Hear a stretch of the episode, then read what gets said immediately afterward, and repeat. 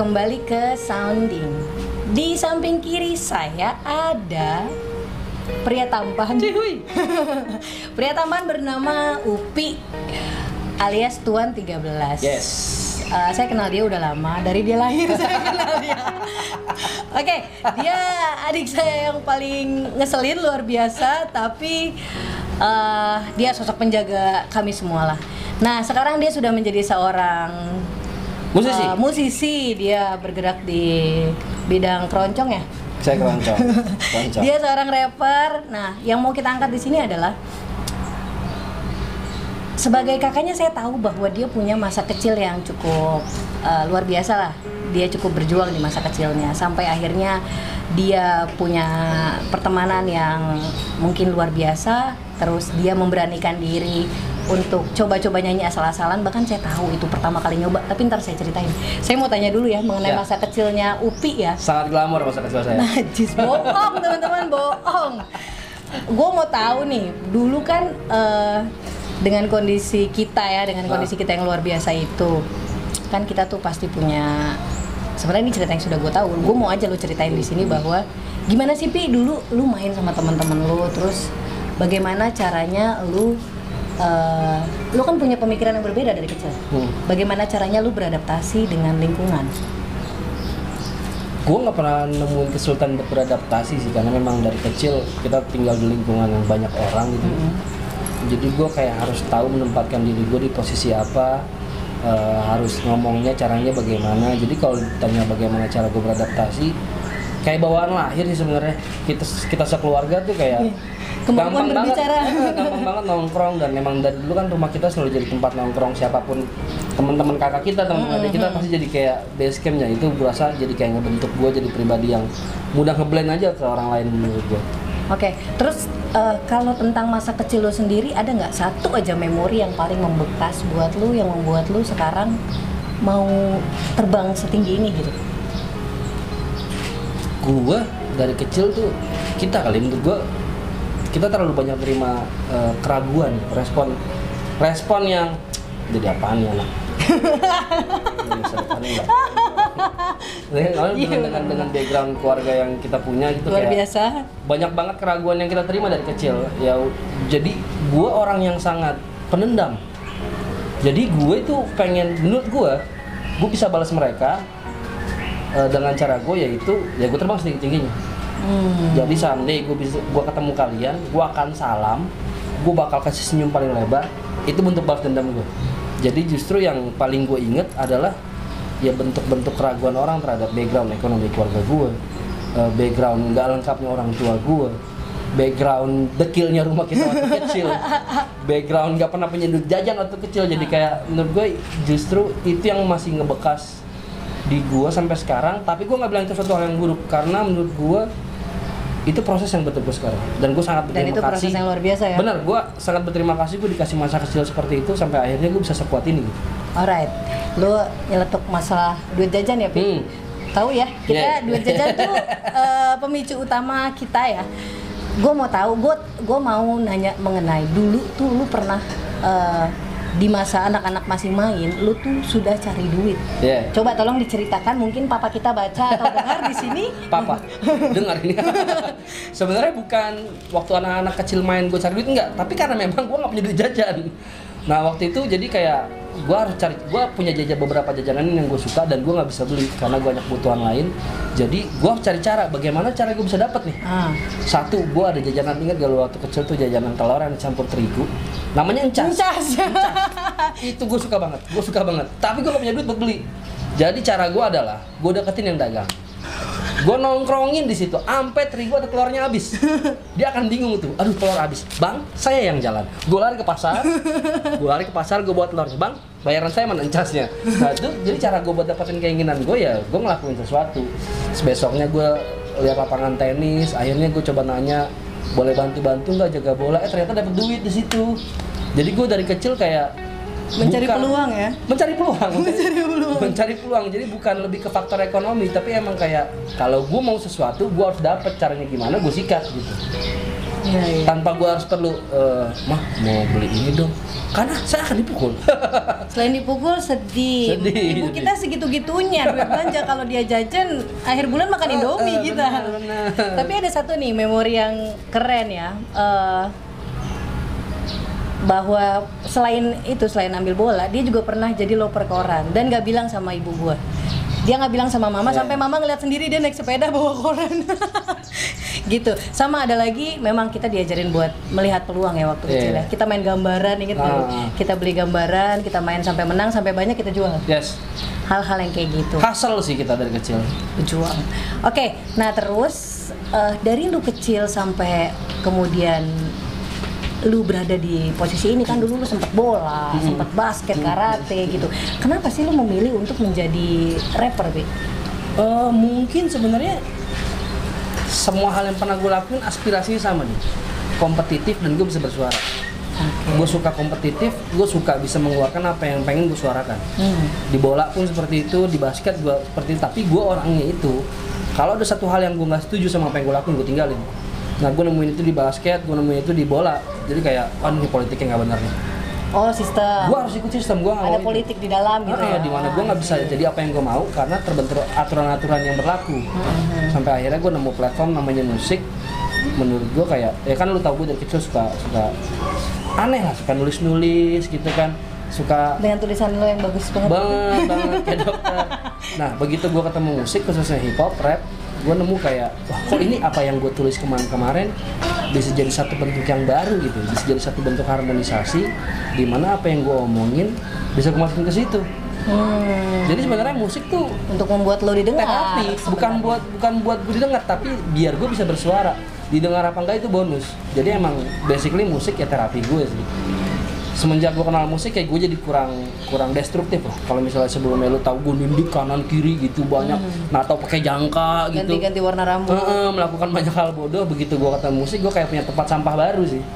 Jadi apa pun komplain gue sama dunia ya gue tuangin aja di situ. Itu sih kenapa gue memilih akhirnya bermusik. Kalau rap kan lu bisa nyanyi pop gitu, Bi. menarik. Jadi dari dari semua jenis musik yang ada di dunia menurut gue rap itu salah satunya platform musik yang punya space lebih lebar untuk menyuarakan pendapat. Jadi gini misalnya kita ngomongin pop. Di pop itu satu verse gue mungkin cuma bisa bersuara 24 sampai 3 ini by riset ya 24 atau 30 kata. Tapi di hip hop gue bisa 80 sampai 100 jadi bayangin gue bisa nyeritain sesuatu lebih sangat detail hal-hal yang mau gue utarain jadi bisa lebih banyak. Nah itu kenapa gue suka sama rap. Oh, dan begitu gue dengar pertama kali itu kayak empowering gue itu gue jadi kayak ayo deh apaan deh? Maju deh gitu. Jadi kayak ayo deh gitu. Kayak spiritnya tuh lebih dapat gitu pas gue di hip hop. Oke. Kalau eh, icon favorit lu hip hop Indonesia siapa? kalau Indonesia masih wake sih Iwake ya. wake Wih, keren dong. Berarti lu sepanggung sama icon favorit lu dong. Legend yang lo tahu kan keren dan sepanggungnya doang yang lo nggak tahu dan kalau gue gemeteran Jadi eh, aku mau cerita sedikit mengenai ini ya, mengenai proses dia. Proses dia ada di dalam dunia tarik suara. Yeah.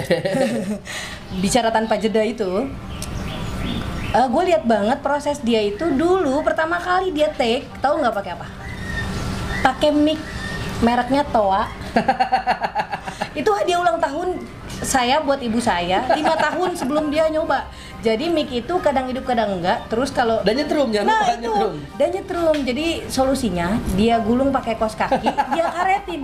Terus dia secara kan dia agak sensual gitu kan. Kalau bibirnya kena tuh gemer gemet gitu.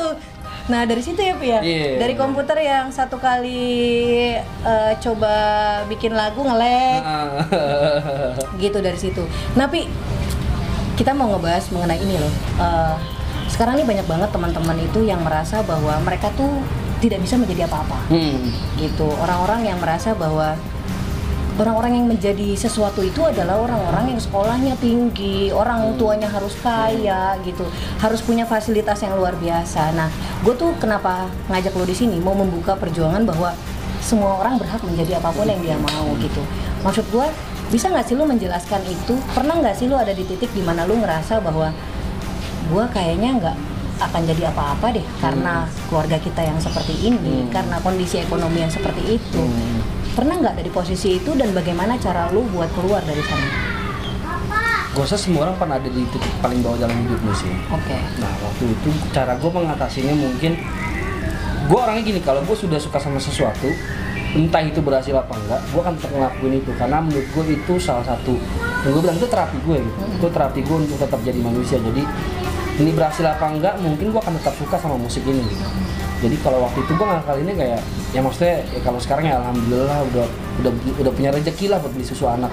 Zaman dulu gue harus jual mic gitu buat bayangin gue harus jual mic buat beli susu anak terus gue laporan sama bini ya kalau misalnya orang normal kan pasti ya lu berhenti lah cari kerja lah yang bener lah. Ya alhamdulillah gue dikelilingin sama orang-orang yang Percaya sama. percaya sama kegilaan gue gitu. Nah tapi yang bikin gue waktu itu kayak pengen tetap ada di sini adalah waktu gue jalan sekitar tahun 2013 2014 gitu gue bikin satu lagu. Gue bikin satu lagu eh, itu gue bawain eh, di Tangerang live gitu ya. Nah setelah gue selesai manggung ada satu orang yang gue ini jauh dari faktor ekonomi ya gue belum manggung belum dibayar gue makan masih bayar waktu gue manggung. Ini orang nyamperin gue bang lu tahun 13 ya? Iya benar. Di tiba-tiba gue dipeluk dipeluk dan dia nangis. Aduh gue merinding dipeluk dan dia nangis. Terus dia bilang makasih. Eh gue kaget dong eh lu kenapa men? Jadi inti ceritanya adalah dia habis ngelewatin satu masalah yang besar. Itu berita sampai ada beritanya di TV bahwa satu keluarga dibunuh dan cuma satu orang yang hidup. Dia harus menerima fakta bahwa dia melihat keluarga dibunuh gitu. Dan dia bahkan kadang di satu titik pernah mengalami fase di mana gue mau ngakhirin hidup gue aja dan tiba-tiba lagu gue putar nggak secara nggak sengaja dan katanya itu jadi bikin dia kayak dapat tenaga baru dapat sudut pandang baru dan sampai akhirnya gue kayaknya harus nerusin hidupnya jadi begitu dia peluk gue dia bilang makasih Booster ya. aduh itu kayak bayaran paling mahal yang pernah gue terima seumur hidup gue gitu jadi yang bikin gue bisa terus jalan menurut gue adalah bukan gue jadi siapa sekarang tapi kalau gue bisa ngasih sesuatu ke orang lain Benar. itu bikin gue jadi ngerasa lebih berharga ngerti nggak sih? Iya iya. Jadi ngeri iya benar-benar. Jadi bukan tentang gue bisa pergi sejauh mana enggak. Tapi kalau sampai gue bisa nyentuh satu orang aja yang ngapresiasi karya yang gue bikin dan mereka bisa aplikasiin di hidupnya bantu mereka ngelewatin masa sulit tujuan Itu gue itu, itu tujuan gue mentok di situ sebenarnya. Kalau ada hal baik lain datangnya itu komplimen Oke. Ya berarti ya sisanya bonus. Betul. Berkah efek samping kalau katanya. jadi cara gue adalah gue ngelewatin masa kecil gue maksudnya kita ngelewatin masa kecil kita sekeras itu tanpa ada batu apa pun untuk berpijak gitu ya nah gue mau jadi batu itu nih Jadi pijakan orang-orang. Eh, gue mau nemenin semua orang yang ngalamin apa yang gue alamin. Lu nggak sendirian ya? Nah, ada nggak figur di hidup lo yang yang sangat menginspirasi lu untuk sampai sini Pi? entah dari keluarga, pertemanan atau apa gitu yang membuat lu ketika lu mau menyerah lu inget dia gitu. Hmm, nyokap sih. Nyokap ya? Ya maksudnya dia mempertaruhkan segalanya buat kita gitu ya. kayak menerima segala image buruk yang bisa dihasilkan orang-orang. Nah, gue kayak pengen eh, ntar gue bayar lunas mah tenang aja. Kayak ya gue ngeliat mah gue nggak nyerah gitu. Jadi gue yakin gue juga berasal dari darah yang gak nyerah gitu. Gue yakin gue juga lahir dari darah yang juara kayak nyokap. Jadi gue pengen ngasih tau aja kalau gue bisa, gue anak nyokap gue dan gue bisa gitu. Kayak gue, gue emang basicnya dendam aja udah. Basicnya itu dendam gitu. Tapi memang eh, ya itulah mungkin pemahaman pemahaman eh, orang tua ini buat orang tua juga ya. Buat teman-teman nih kan banyak di Ya. sounding itu kan orang tua orang tua usia 28, 35 gitu yang Hmm. nonton sampai 40.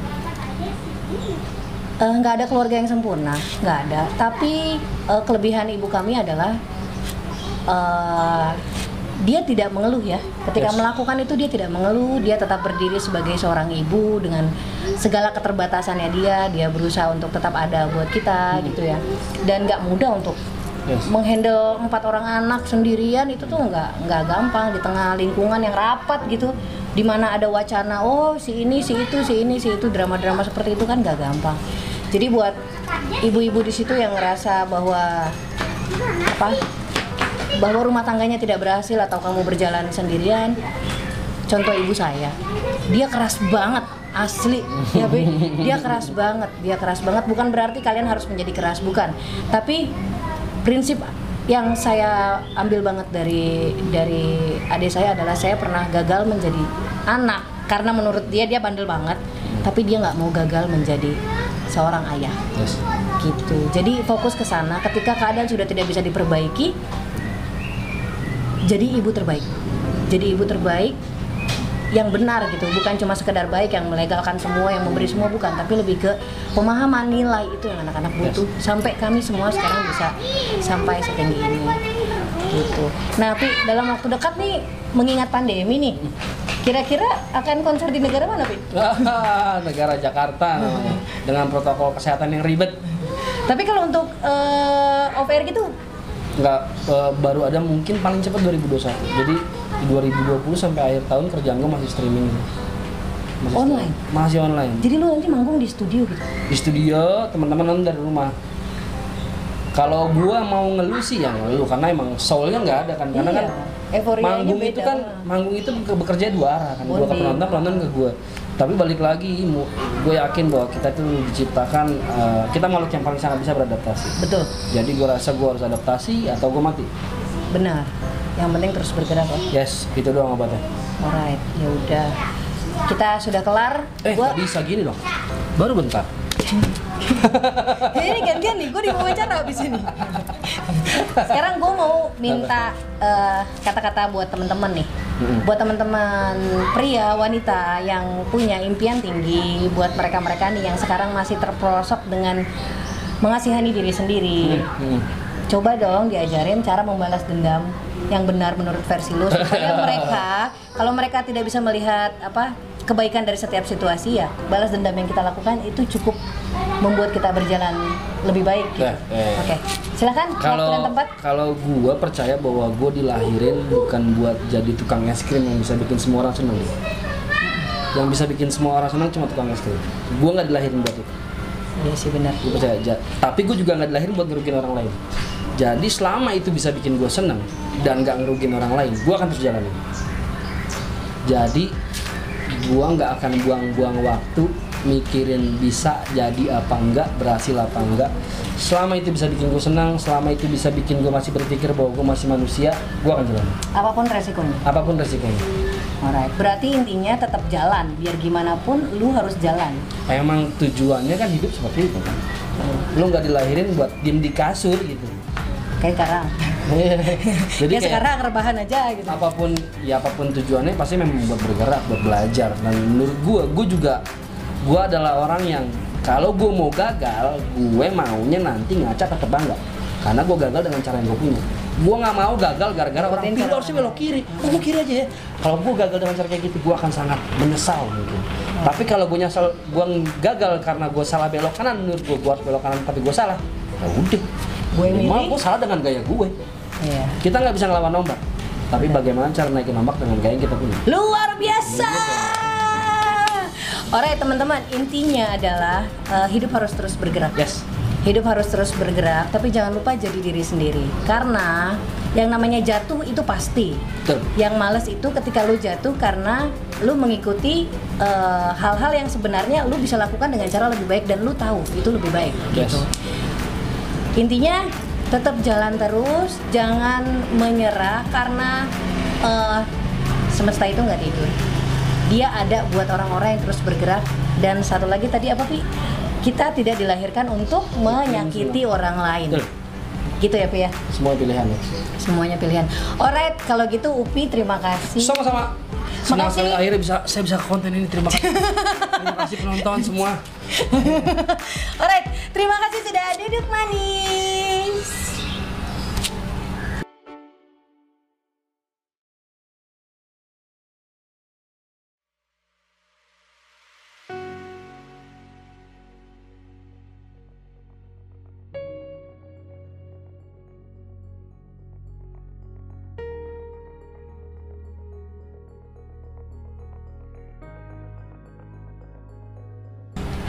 Kembali ke sounding.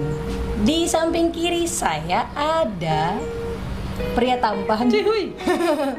pria tampan bernama Upi alias Tuan 13. yes uh, saya kenal dia udah lama dari dia lahir saya kenal dia. Oke, dia adik saya yang paling ngeselin luar biasa, tapi uh, dia sosok penjaga kami semua lah. Nah sekarang dia sudah menjadi seorang Musisi? uh, musisi. Dia bergerak di bidang keroncong ya. Saya keroncong. keroncong. Dia seorang rapper. Nah, yang mau kita angkat di sini adalah sebagai kakaknya saya tahu bahwa dia punya masa kecil yang cukup uh, luar biasa lah. Dia cukup berjuang di masa kecilnya sampai akhirnya dia punya pertemanan yang mungkin luar biasa. Terus dia memberanikan diri untuk coba-coba nyanyi asal-asalan bahkan saya tahu itu pertama kali nyoba tapi ntar saya ceritain saya mau tanya dulu ya mengenai Ya. masa kecilnya Upi ya Sangat glamor masa kecil saya. Najis bohong teman-teman bohong. Gue mau tahu nih dulu kan eh, dengan kondisi kita ya dengan Ah. kondisi kita yang luar biasa itu kan kita tuh pasti punya sebenarnya ini cerita yang sudah gue tahu. Gue mau aja lu ceritain di sini bahwa gimana sih pi dulu lu main sama teman-teman lu terus bagaimana caranya lu eh, lu kan punya pemikiran yang berbeda dari kecil. Hmm. Bagaimana caranya lu beradaptasi dengan lingkungan? gue nggak pernah nemuin kesulitan untuk beradaptasi sih karena memang dari kecil kita tinggal di lingkungan yang banyak orang gitu jadi gue kayak harus tahu menempatkan diri gue di posisi apa eh, harus ngomongnya caranya bagaimana jadi kalau ditanya bagaimana cara gue beradaptasi kayak bawaan lahir sih sebenarnya. Kita kita sekeluarga tuh kayak Kemampuan berbicara. banget, gampang banget nongkrong dan memang dari dulu kan rumah kita selalu jadi tempat nongkrong siapa pun. Teman-teman kakak kita teman-teman adik kita pasti jadi kayak base campnya itu berasa jadi kayak ngebentuk gue jadi pribadi yang mudah ngeblend aja ke orang lain menurut gue Oke, terus eh, kalau tentang masa kecil lo sendiri ada nggak satu aja memori yang paling membekas buat lu yang membuat lu sekarang mau terbang setinggi ini gitu? Gue dari kecil tuh kita kali menurut gue kita terlalu banyak terima eh, keraguan respon respon yang jadi apaan ya anak depanin nggak? Dengan, dengan, dengan background keluarga yang kita punya gitu Luar kayak biasa. banyak banget keraguan yang kita terima dari kecil ya jadi gue orang yang sangat penendam jadi gue itu pengen menurut gue gue bisa balas mereka eh, dengan cara gue yaitu ya gue terbang setinggi tingginya. Hmm. jadi someday gue bisa gue ketemu kalian gue akan salam gue bakal kasih senyum paling lebar itu bentuk balas dendam gue jadi justru yang paling gue inget adalah ya bentuk-bentuk keraguan orang terhadap background ekonomi keluarga gue eh, background nggak lengkapnya orang tua gue background dekilnya rumah kita waktu kecil background nggak pernah punya duit jajan waktu kecil. Jadi kayak menurut gue justru itu yang masih ngebekas di gua sampai sekarang tapi gua nggak bilang itu suatu hal yang buruk karena menurut gua itu proses yang betul gue sekarang dan gue sangat Dan berterima itu proses kasih yang luar biasa ya. benar gue sangat berterima kasih gue dikasih masa kecil seperti itu sampai akhirnya gue bisa sekuat ini gitu. Alright, lu nyeletuk masalah duit jajan ya, Pi? Hmm. Tahu ya, kita Yeah. duit jajan tuh eh, pemicu utama kita ya. Gue mau tahu, gue gue mau nanya mengenai dulu tuh lu pernah eh, di masa anak-anak masih main, lu tuh sudah cari duit. Yeah. Coba tolong diceritakan, mungkin papa kita baca atau dengar di sini. Papa, dengar ini. Sebenarnya bukan waktu anak-anak kecil main gue cari duit enggak, tapi karena memang gue nggak punya duit jajan. Nah waktu itu jadi kayak gue harus cari, gue punya jajan beberapa jajanan yang gue suka dan gue nggak bisa beli karena gue banyak kebutuhan lain. Jadi gue harus cari cara, bagaimana cara gue bisa dapat nih. Ah, Satu, gue ada jajanan ingat gak waktu kecil tuh jajanan telur yang dicampur terigu, namanya encas. Encas. itu gue suka banget gue suka banget tapi gue gak punya duit buat beli jadi cara gue adalah gue deketin yang dagang gue nongkrongin di situ ampe terigu atau telurnya habis. Dia akan bingung tuh aduh telur habis. Bang saya yang jalan. Gue lari ke pasar gue lari ke pasar gue buat telurnya. Bang bayaran saya mana encasnya? Nah itu jadi cara gue buat dapetin keinginan gue ya gue ngelakuin sesuatu. Besoknya gue lihat lapangan tenis akhirnya gue coba nanya boleh bantu-bantu nggak jaga bola? Eh ternyata dapet duit di situ. Jadi gue dari kecil kayak Mencari bukan- peluang ya? mencari peluang Mencari peluang. mencari peluang jadi bukan lebih ke faktor ekonomi tapi emang kayak kalau gue mau sesuatu gue harus dapet caranya gimana gue sikat gitu Iya, iya. tanpa gue harus perlu eh, mah mau beli ini dong karena saya akan dipukul Selain dipukul sedih. Sedih, Ibu sedih. kita segitu-gitunya duit belanja kalau dia jajan akhir bulan makan Indomie eh, kita. benar, benar. Tapi ada satu nih memori yang keren ya. Eh, bahwa selain itu selain ambil bola dia juga pernah jadi loper koran dan nggak bilang sama ibu gua dia nggak bilang sama mama Yeah. sampai mama ngeliat sendiri dia naik sepeda bawa koran gitu sama ada lagi memang kita diajarin buat melihat peluang ya waktu kecil Yeah. ya kita main gambaran inget nggak lu? Ah. kita beli gambaran kita main sampai menang sampai banyak kita jual yes hal-hal yang kayak gitu hustle sih kita dari kecil berjuang. Oke, nah terus eh, dari lu kecil sampai kemudian lu berada di posisi ini kan dulu lu sempet bola, Hmm. sempet basket, karate gitu. Kenapa sih lu memilih untuk menjadi rapper, Bi? Eh, mungkin sebenarnya semua hal yang pernah gue lakuin aspirasinya sama nih kompetitif dan gue bisa bersuara Oke. gue suka kompetitif gue suka bisa mengeluarkan apa yang pengen gue suarakan Hmm. di bola pun seperti itu di basket gue seperti itu tapi gue orangnya itu kalau ada satu hal yang gue nggak setuju sama apa yang gue lakuin gue tinggalin nah gue nemuin itu di basket gue nemuin itu di bola jadi kayak oh ini politiknya nggak benar nih Oh, sistem. gue harus ikut sistem gue Ada politik di dalam gitu Ah, ya. di mana gue nggak bisa jadi apa yang gue mau karena terbentur aturan-aturan yang berlaku Hmm. sampai akhirnya gue nemu platform namanya musik menurut gue kayak ya kan lu tau gue dari kecil suka suka aneh lah suka nulis nulis gitu kan suka Dengan tulisan lo yang bagus banget. banget banget kayak dokter nah begitu gue ketemu musik khususnya hip hop rap gue nemu kayak wah kok ini apa yang gue tulis kemarin-kemarin bisa jadi satu bentuk yang baru gitu bisa jadi satu bentuk harmonisasi di mana apa yang gue omongin bisa gue masukin ke situ Hmm. jadi sebenarnya musik tuh Untuk membuat lo didengar. terapi bukan buat bukan buat gue didengar tapi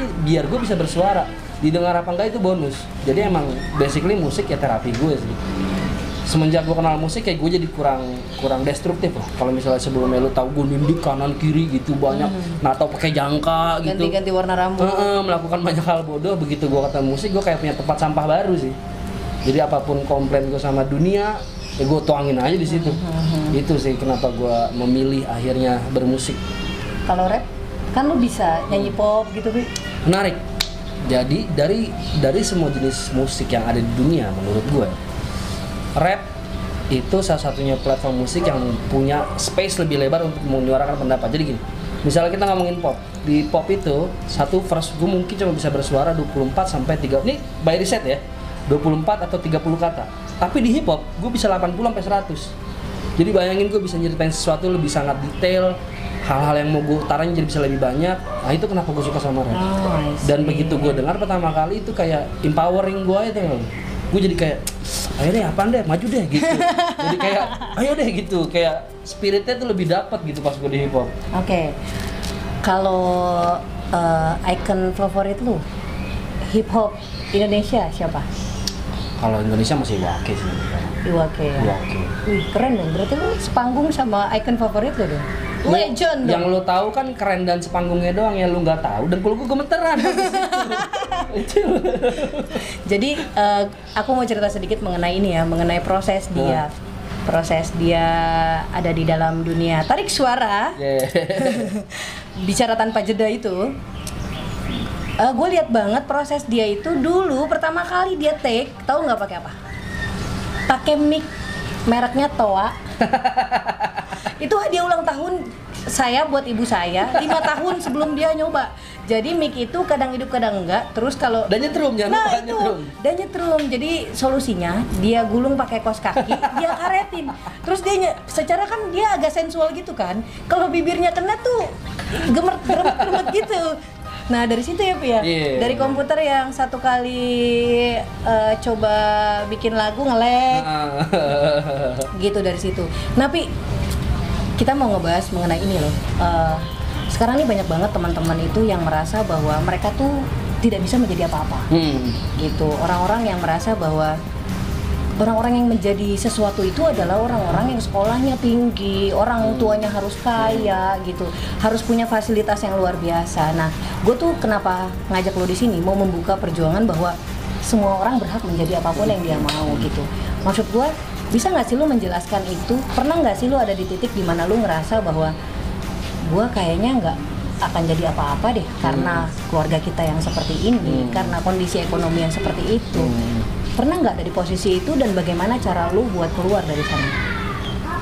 Gue rasa semua orang pernah ada di titik paling bawah dalam hidupnya sih. Oke. Nah waktu itu cara gue mengatasinya mungkin gue orangnya gini kalau gue sudah suka sama sesuatu entah itu berhasil apa enggak gue akan tetap ngelakuin itu. Karena menurut gue itu salah satu yang gue bilang itu terapi gue gitu. Itu terapi gue untuk tetap jadi manusia. Jadi ini berhasil apa enggak mungkin gue akan tetap suka sama musik ini gitu jadi kalau waktu itu gue ngakal ini kayak ya maksudnya ya kalau sekarang ya alhamdulillah udah udah udah punya rezeki lah buat beli susu anak.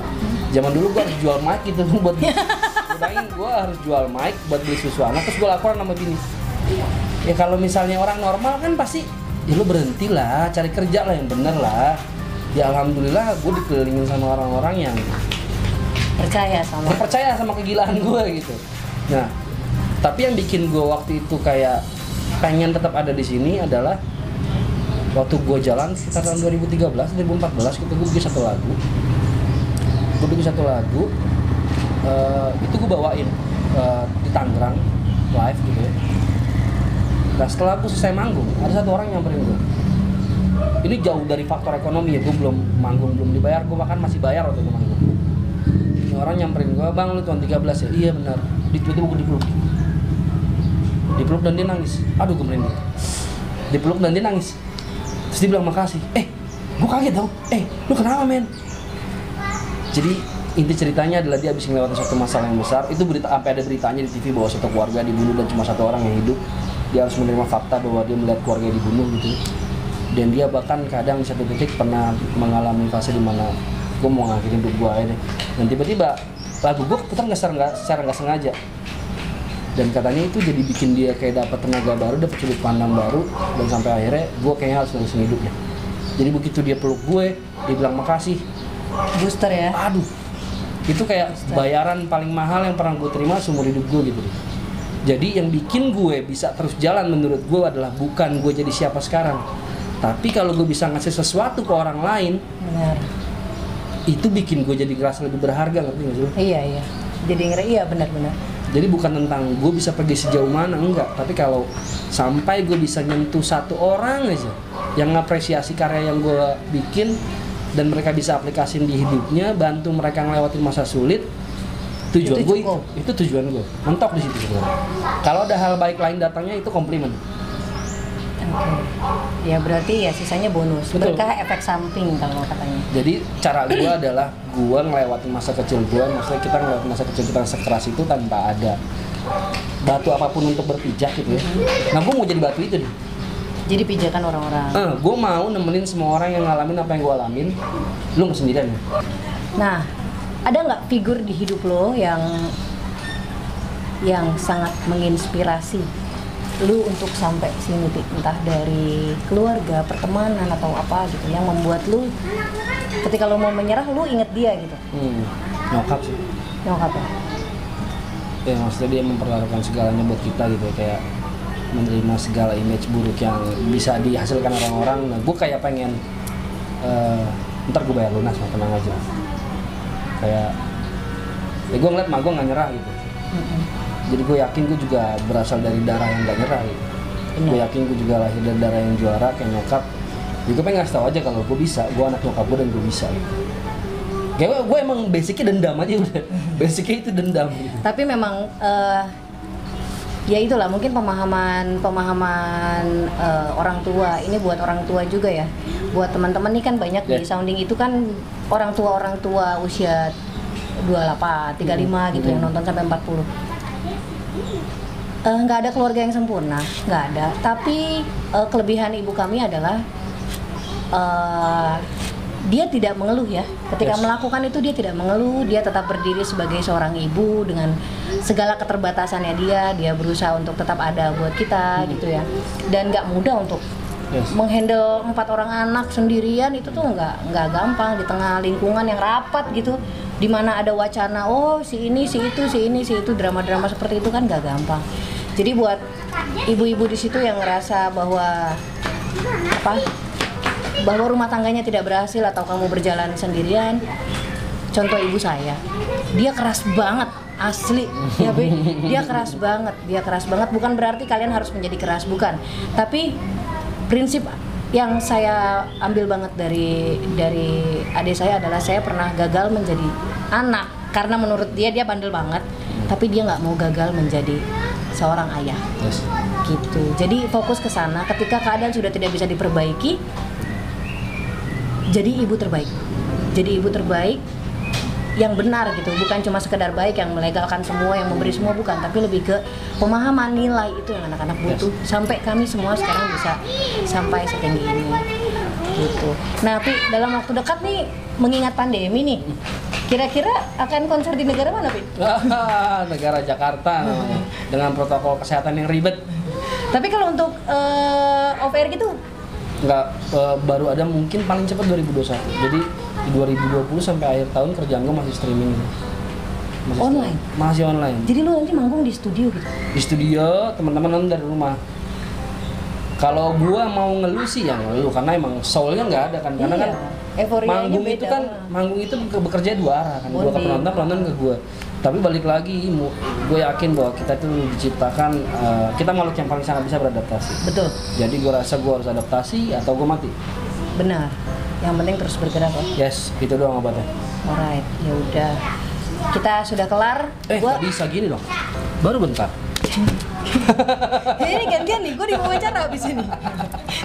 Sekarang gue mau minta eh, kata-kata buat temen-temen nih, buat teman-teman pria, wanita yang punya impian tinggi, buat mereka-mereka nih yang sekarang masih terperosok dengan mengasihani diri sendiri. Hmm. Coba dong diajarin cara membalas dendam yang benar menurut versi lu supaya mereka kalau mereka tidak bisa melihat apa kebaikan dari setiap situasi ya balas dendam yang kita lakukan itu cukup membuat kita berjalan lebih baik gitu. Eh, eh. Oke, silakan waktu dan kalau tempat. kalau gua percaya bahwa gua dilahirin bukan buat jadi tukang es krim yang bisa bikin semua orang seneng yang bisa bikin semua orang senang cuma tukang es krim gua nggak dilahirin buat itu Iya sih benar. gua percaya aja tapi gua juga nggak dilahirin buat ngerugiin orang lain jadi selama itu bisa bikin gua seneng dan nggak ngerugiin orang lain gua akan terus jalanin jadi gua nggak akan buang-buang waktu mikirin bisa jadi apa enggak berhasil apa enggak selama itu bisa bikin gue senang selama itu bisa bikin gue masih berpikir bahwa gue masih manusia gue akan jalan Apa pun resikonya. apa pun resikonya Alright. Berarti intinya tetap jalan. Biar gimana pun lu harus jalan. emang tujuannya kan hidup seperti itu kan lu nggak dilahirin buat diem di kasur gitu Kayak sekarang. jadi ya kayak sekarang rebahan aja gitu. apa pun ya apa pun tujuannya pasti memang buat bergerak buat belajar. Dan menurut gue gue juga gue adalah orang yang kalau gue mau gagal gue maunya nanti ngaca tetap bangga. Karena gue gagal dengan cara yang gue punya. Gue nggak mau gagal gara-gara orang cara harusnya belok kiri. Oh, gue kiri aja ya. Kalau gue gagal dengan cara kayak gitu gue akan sangat menyesal mungkin. Tapi kalau gue nyesal gue gagal karena gue salah belok kanan menurut gue gue harus belok kanan tapi gue salah ya udah Gue gue salah dengan gaya gue Iya. kita nggak bisa ngelawan ombak tapi bagaimana cara naikin ombak dengan gaya yang kita punya Luar biasa. Alright teman-teman, intinya adalah eh, hidup harus terus bergerak. yes Hidup harus terus bergerak, tapi jangan lupa jadi diri sendiri. Karena yang namanya jatuh itu pasti. betul Yang males itu ketika lu jatuh karena lu mengikuti eh, hal-hal yang sebenarnya lu bisa lakukan dengan cara lebih baik dan lu tahu itu lebih baik. yes Intinya tetap jalan terus, jangan menyerah karena eh, semesta itu nggak tidur. Dia ada buat orang-orang yang terus bergerak dan satu lagi tadi apa Pi? Kita tidak dilahirkan untuk menyakiti orang lain. Gitu ya Pi ya. semua pilihan ya Semuanya pilihan. Alright, kalau gitu Upi terima kasih. sama-sama senang Makasih. sekali akhirnya bisa saya bisa konten ini terima kasih terima kasih penonton semua Alright, terima kasih sudah duduk manis.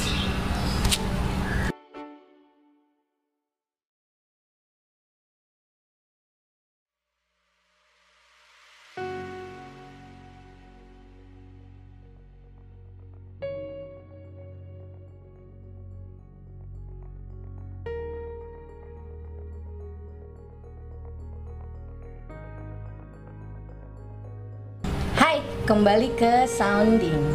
Di samping kiri saya ada pria tampan. Cihuy. pria tampan bernama Upi alias Tuan 13. yes Eh, saya kenal dia udah lama dari dia lahir saya kenal dia. Oke, dia adik saya yang paling ngeselin luar biasa, tapi eh, dia sosok penjaga kami semua lah. Nah, sekarang dia sudah menjadi seorang musisi eh, musisi. Dia bergerak di bidang keroncong ya. saya keroncong keroncong Dia seorang rapper. Nah, yang mau kita angkat di sini adalah sebagai kakaknya saya tahu bahwa dia punya masa kecil yang cukup uh, luar biasa lah dia cukup berjuang di masa kecilnya sampai akhirnya dia punya pertemanan yang mungkin luar biasa terus dia memberanikan diri untuk coba-coba nyanyi asal-asalan bahkan saya tahu itu pertama kali nyoba tapi ntar saya ceritain saya mau tanya dulu ya mengenai Ya. masa kecilnya Upi ya sangat glamor masa kecil saya Najis bohong teman-teman bohong. Gue mau tahu nih, dulu kan eh, dengan kondisi kita ya, dengan Ah. kondisi kita yang luar biasa itu, kan kita tuh pasti punya.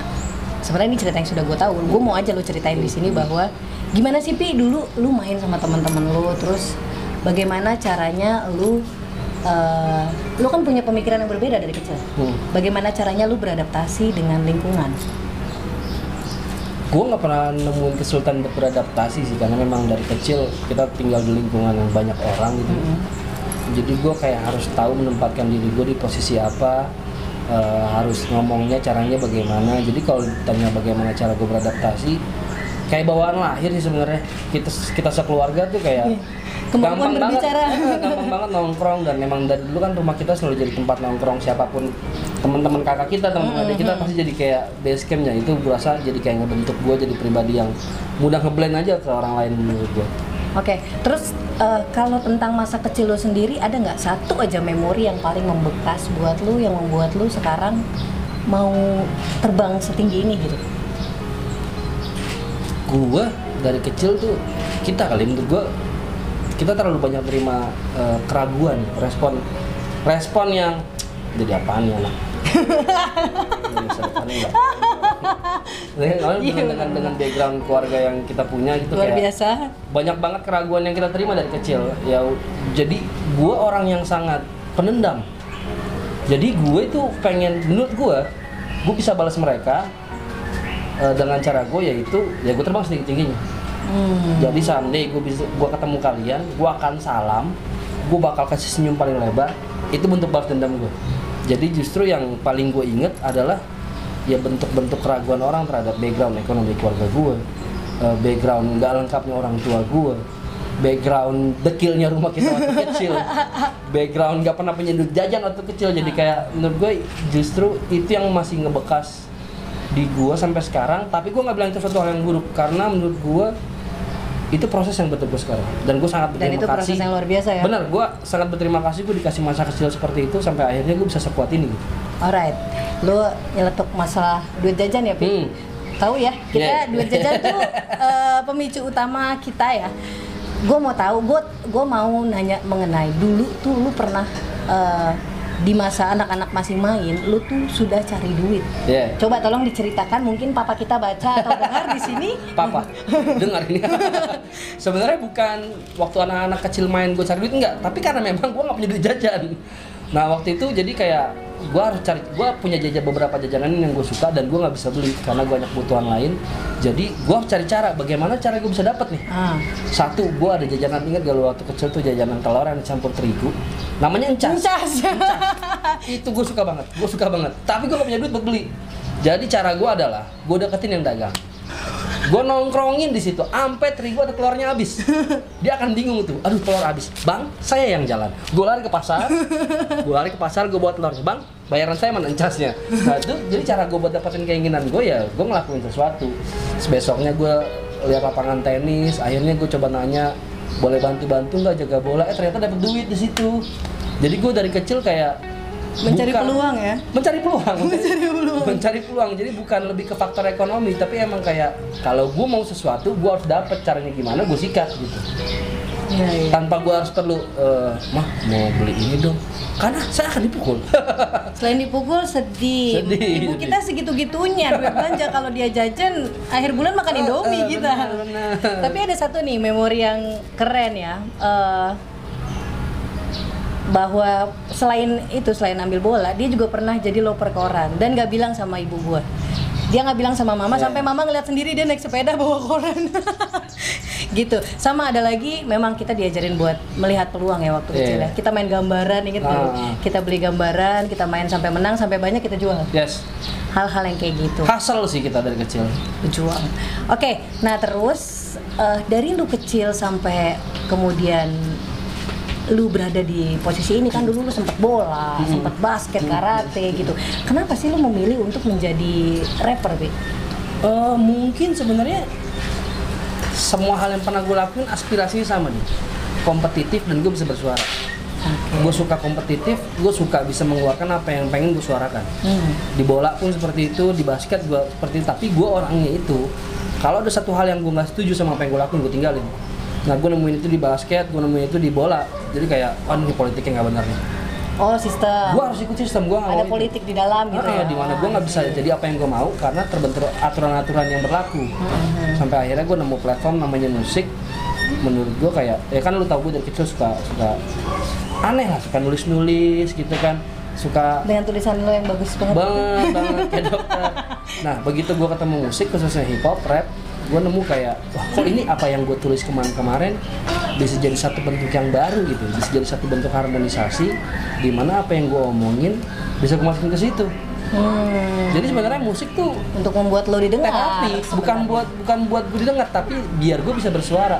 Didengar apa enggak itu bonus. Jadi emang basically musik ya terapi gue sih semenjak gue kenal musik kayak gue jadi kurang kurang destruktif lah. Kalau misalnya sebelumnya lu tahu gue nindik kanan kiri gitu banyak nah atau pakai jangka gitu. Ganti-ganti warna rambut. Heeh, melakukan banyak hal bodoh. Begitu gue ketemu musik gue kayak punya tempat sampah baru sih. Jadi apa pun komplain gue sama dunia ya gue tuangin aja di situ. Itu sih kenapa gue memilih akhirnya bermusik. Kalau rap kan lo bisa nyanyi pop gitu, Bi. menarik. Jadi dari dari semua jenis musik yang ada di dunia menurut gue rap itu salah satunya platform musik yang punya space lebih lebar untuk menyuarakan pendapat. Jadi gini misalnya kita ngomongin pop. Di pop itu satu verse gue mungkin cuma bisa bersuara 24 sampai 3 ini by riset ya 24 atau 30 kata. Tapi di hip hop gue bisa 80 sampai 100 jadi bayangin gue bisa nyeritain sesuatu lebih sangat detail hal-hal yang mau gue utarain jadi bisa lebih banyak. Nah itu kenapa gue suka sama rap. Oh, dan begitu gue dengar pertama kali itu kayak empowering gue itu gue jadi kayak ayo deh apaan deh maju deh gitu jadi kayak ayo deh gitu kayak spiritnya tuh lebih dapat gitu pas gue di hip hop Oke. Kalau eh, icon favorit lu hip hop Indonesia siapa? kalau Indonesia masih wake sih Iwake ya. wake Wih, keren dong. Berarti lu sepanggung sama icon favorit lu dong. Legend yang lo tahu kan keren dan sepanggungnya doang yang lo nggak tahu dan gue gemeteran Jadi eh, aku mau cerita sedikit mengenai ini ya, mengenai proses dia. Proses dia ada di dalam dunia tarik suara, Yeah. bicara tanpa jeda itu. gue lihat banget proses dia itu dulu pertama kali dia take, tahu nggak pakai apa? Pakai mic mereknya Toa. itu hadiah ulang tahun saya buat ibu saya lima tahun sebelum dia nyoba. Jadi mic itu kadang hidup kadang enggak. Terus kalau dan nyetrum jangan Nah lupa itu, nyetrum dan nyetrum. Jadi solusinya dia gulung pakai kos kaki, dia karetin. Terus dia secara kan dia agak sensual gitu kan. Kalau bibirnya kena tuh gemer gemet gitu. Nah dari situ ya Pi ya. Iya. Dari komputer yang satu kali eh, coba bikin lagu ngelek gitu dari situ. Tapi kita mau ngebahas mengenai ini loh. Eh, sekarang ini banyak banget teman-teman itu yang merasa bahwa mereka tuh tidak bisa menjadi apa-apa hmm. gitu orang-orang yang merasa bahwa orang-orang yang menjadi sesuatu itu adalah orang-orang yang sekolahnya tinggi orang tuanya harus kaya gitu harus punya fasilitas yang luar biasa. Nah gue tuh kenapa ngajak lo di sini? Mau membuka perjuangan bahwa semua orang berhak menjadi apa pun yang dia mau gitu. Maksud gue bisa nggak sih lo menjelaskan itu? Pernah nggak sih lo ada di titik di mana lo ngerasa bahwa gue kayaknya nggak akan jadi apa-apa deh karena keluarga kita yang seperti ini Hmm. karena kondisi ekonomi yang seperti itu? Hmm. Pernah nggak ada di posisi itu dan bagaimana cara lu buat keluar dari sana? Gue rasa semua orang pernah ada di titik paling bawah dalam hidupnya sih. Oke. Nah waktu itu cara gue mengatasinya mungkin gue orangnya gini kalau gue sudah suka sama sesuatu entah itu berhasil apa enggak gue akan tetap ngelakuin itu. Karena menurut gue itu salah satu yang gue bilang itu terapi gue gitu. Itu terapi gue untuk tetap jadi manusia. Jadi ini berhasil apa enggak mungkin gue akan tetap suka sama musik ini. gitu jadi kalau waktu itu gue ngakalinnya kayak ya maksudnya ya kalau sekarang ya alhamdulillah udah udah udah punya rezeki lah buat beli susu anak. Zaman dulu gue harus jual mic gitu buat bayangin gue harus jual mic buat beli susu anak terus gue laporan sama bini ya kalau misalnya orang normal kan pasti ya lu berhenti lah cari kerja lah yang bener lah. Ya alhamdulillah gue dikelilingin sama orang-orang yang percaya sama percaya sama kegilaan gue gitu. Nah tapi yang bikin gue waktu itu kayak pengen tetap ada di sini adalah waktu gue jalan sekitar tahun 2013 2014 gitu gue bikin satu lagu. Gue bikin satu lagu eh, itu gue bawain eh, di Tangerang live gitu ya. Nah setelah gue selesai manggung ada satu orang yang gue ini jauh dari faktor ekonomi ya gue belum manggung belum dibayar gue bahkan masih bayar waktu itu manggung. Ini orang nyamperin gue bang lu tahun 13 ya? Iya benar. Di tiba-tiba gue dipeluk dipeluk dan dia nangis. Aduh gue merinding dipeluk dan dia nangis. Terus dia bilang makasih. Eh gue kaget dong eh lu kenapa men? Jadi inti ceritanya adalah dia habis melewati satu masalah yang besar. Itu berita sampai ada beritanya di TV bahwa satu keluarga dibunuh dan cuma satu orang yang hidup. Dia harus menerima fakta bahwa dia melihat keluarga dibunuh gitu. Dan dia bahkan kadang di satu titik pernah mengalami fase di mana gue mau ngakhirin hidup gue aja deh. Dan tiba-tiba lagu gue putar nggak secara nggak sengaja dan katanya itu jadi bikin dia kayak dapat tenaga baru dapat sudut pandang baru. Dan sampai akhirnya gue kayaknya harus nerusin hidupnya. Jadi begitu dia peluk gue dia bilang makasih. Booster ya? Aduh. Itu kayak bayaran paling mahal yang pernah gue terima seumur hidup gue gitu. Jadi yang bikin gue bisa terus jalan menurut gue adalah bukan gue jadi siapa sekarang. Tapi kalau gue bisa ngasih sesuatu ke orang lain benar. itu bikin gue jadi ngerasa lebih berharga ngerti gak sih iya iya. Jadi ngeri iya benar-benar jadi bukan tentang gue bisa pergi sejauh mana enggak. Tapi kalau sampai gue bisa nyentuh satu orang aja yang ngapresiasi karya yang gue bikin dan mereka bisa aplikasiin di hidupnya bantu mereka ngelewatin masa sulit tujuan Itu gue itu, itu tujuan gue mentok di situ kalau ada hal baik lain datangnya itu komplimen. Ya berarti ya sisanya bonus. Betul. Berkah efek samping kalau katanya. jadi cara gue adalah gue ngelewatin masa kecil gue maksudnya kita ngelewatin masa kecil kita sekeras itu tanpa ada batu apa pun untuk berpijak gitu ya nah gue mau jadi batu itu deh Jadi pijakan orang-orang. Eh, gue mau nemenin semua orang yang ngalamin apa yang gue alamin lu nggak sendirian ya Nah, ada nggak figur di hidup lo yang yang sangat menginspirasi lu untuk sampai sini Pi? entah dari keluarga, pertemanan atau apa gitu yang membuat lu ketika lu mau menyerah lu inget dia gitu. hmm, nyokap sih Nyokap ya. ya maksudnya dia memperlakukan segalanya buat kita gitu ya, kayak menerima segala image buruk yang bisa dihasilkan orang-orang nah gue kayak pengen eh, ntar gue bayar lunas mah tenang aja kayak ya gue ngeliat mah gue nggak nyerah gitu. Jadi gue yakin gue juga berasal dari darah yang gak nyerah gitu gue yakin gue juga lahir dari darah yang juara kayak nyokap gue pengen ngasih tau aja kalau gue bisa gue anak nyokap gue dan gue bisa gitu. kayak gue, emang basicnya dendam aja udah basicnya itu dendam gitu. Tapi memang eh, ya itulah mungkin pemahaman pemahaman eh, orang tua ini buat orang tua juga ya. Buat teman-teman nih kan banyak di Ya. sounding itu kan orang tua orang tua usia 28, 35 gitu yang Hmm. nonton sampai 40. Eh, nggak ada keluarga yang sempurna, nggak ada. Tapi eh, kelebihan ibu kami adalah eh, dia tidak mengeluh ya. Ketika Yes. melakukan itu dia tidak mengeluh, dia tetap berdiri sebagai seorang ibu dengan segala keterbatasannya dia. Dia berusaha untuk tetap ada buat kita gitu ya. Dan nggak mudah untuk Yes. menghandle empat orang anak sendirian itu tuh nggak nggak gampang di tengah lingkungan yang rapat gitu. Di mana ada wacana oh si ini si itu si ini si itu drama-drama seperti itu kan nggak gampang. Jadi buat ibu-ibu di situ yang ngerasa bahwa apa bahwa rumah tangganya tidak berhasil atau kamu berjalan sendirian contoh ibu saya dia keras banget asli. Ya Be. dia keras banget dia keras banget. Bukan berarti kalian harus menjadi keras bukan. Tapi prinsip yang saya ambil banget dari dari adik saya adalah saya pernah gagal menjadi anak. Karena menurut dia dia bandel banget. Tapi dia nggak mau gagal menjadi seorang ayah. Yes. gitu. Jadi fokus ke sana. Ketika keadaan sudah tidak bisa diperbaiki jadi ibu terbaik. Jadi ibu terbaik yang benar gitu. Bukan cuma sekedar baik yang melegalkan semua yang memberi semua bukan. Tapi lebih ke pemahaman nilai itu yang anak-anak butuh. Sampai kami semua sekarang bisa sampai setinggi ini.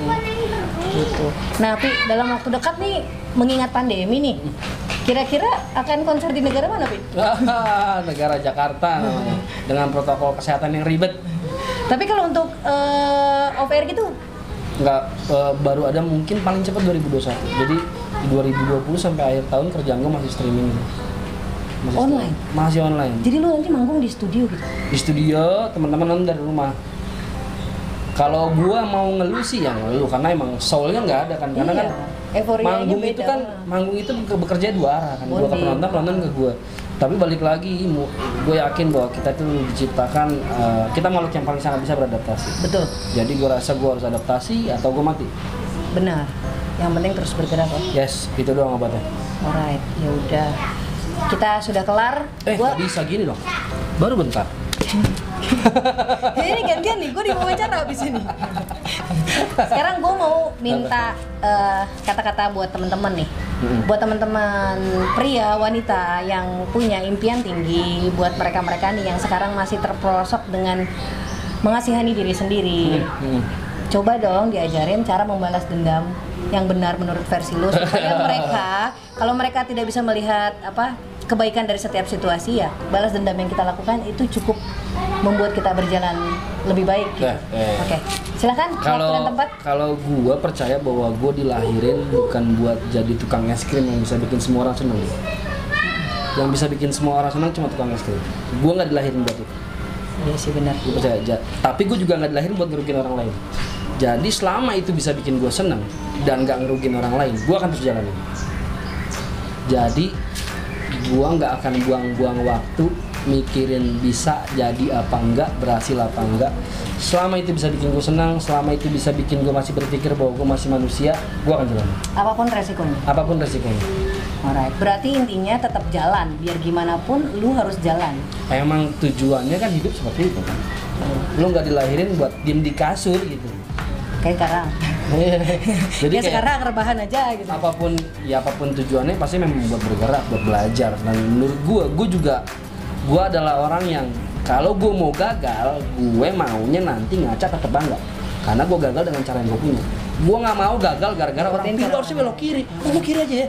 Kalau gue gagal dengan cara kayak gitu gue akan sangat menyesal mungkin tapi kalau gue nyesal gue gagal karena gue salah belok kanan menurut gue gue harus belok kanan tapi gue salah ya udah Gue Memang milih. gue salah dengan gaya gue Iya. kita nggak bisa ngelawan ombak tapi bagaimana cara naikin ombak dengan gaya yang kita punya Luar biasa. Alright teman-teman, intinya adalah eh, hidup harus terus bergerak. yes Hidup harus terus bergerak, tapi jangan lupa jadi diri sendiri. Karena yang namanya jatuh itu pasti. betul Yang males itu ketika lu jatuh karena lu mengikuti eh, hal-hal yang sebenarnya lu bisa lakukan dengan cara lebih baik dan lu tahu itu lebih baik yes gitu. Intinya tetap jalan terus, jangan menyerah karena eh, semesta itu nggak tidur. Dia ada buat orang-orang yang terus bergerak dan satu lagi tadi apa Pi? Kita tidak dilahirkan untuk menyakiti orang lain. Gitu ya Pi ya? semua pilihan ya Semuanya pilihan. Alright, kalau gitu Upi terima kasih. sama-sama senang Makasih. sekali akhirnya bisa saya bisa konten ini terima kasih terima kasih penonton semua Alright, terima kasih sudah duduk manis.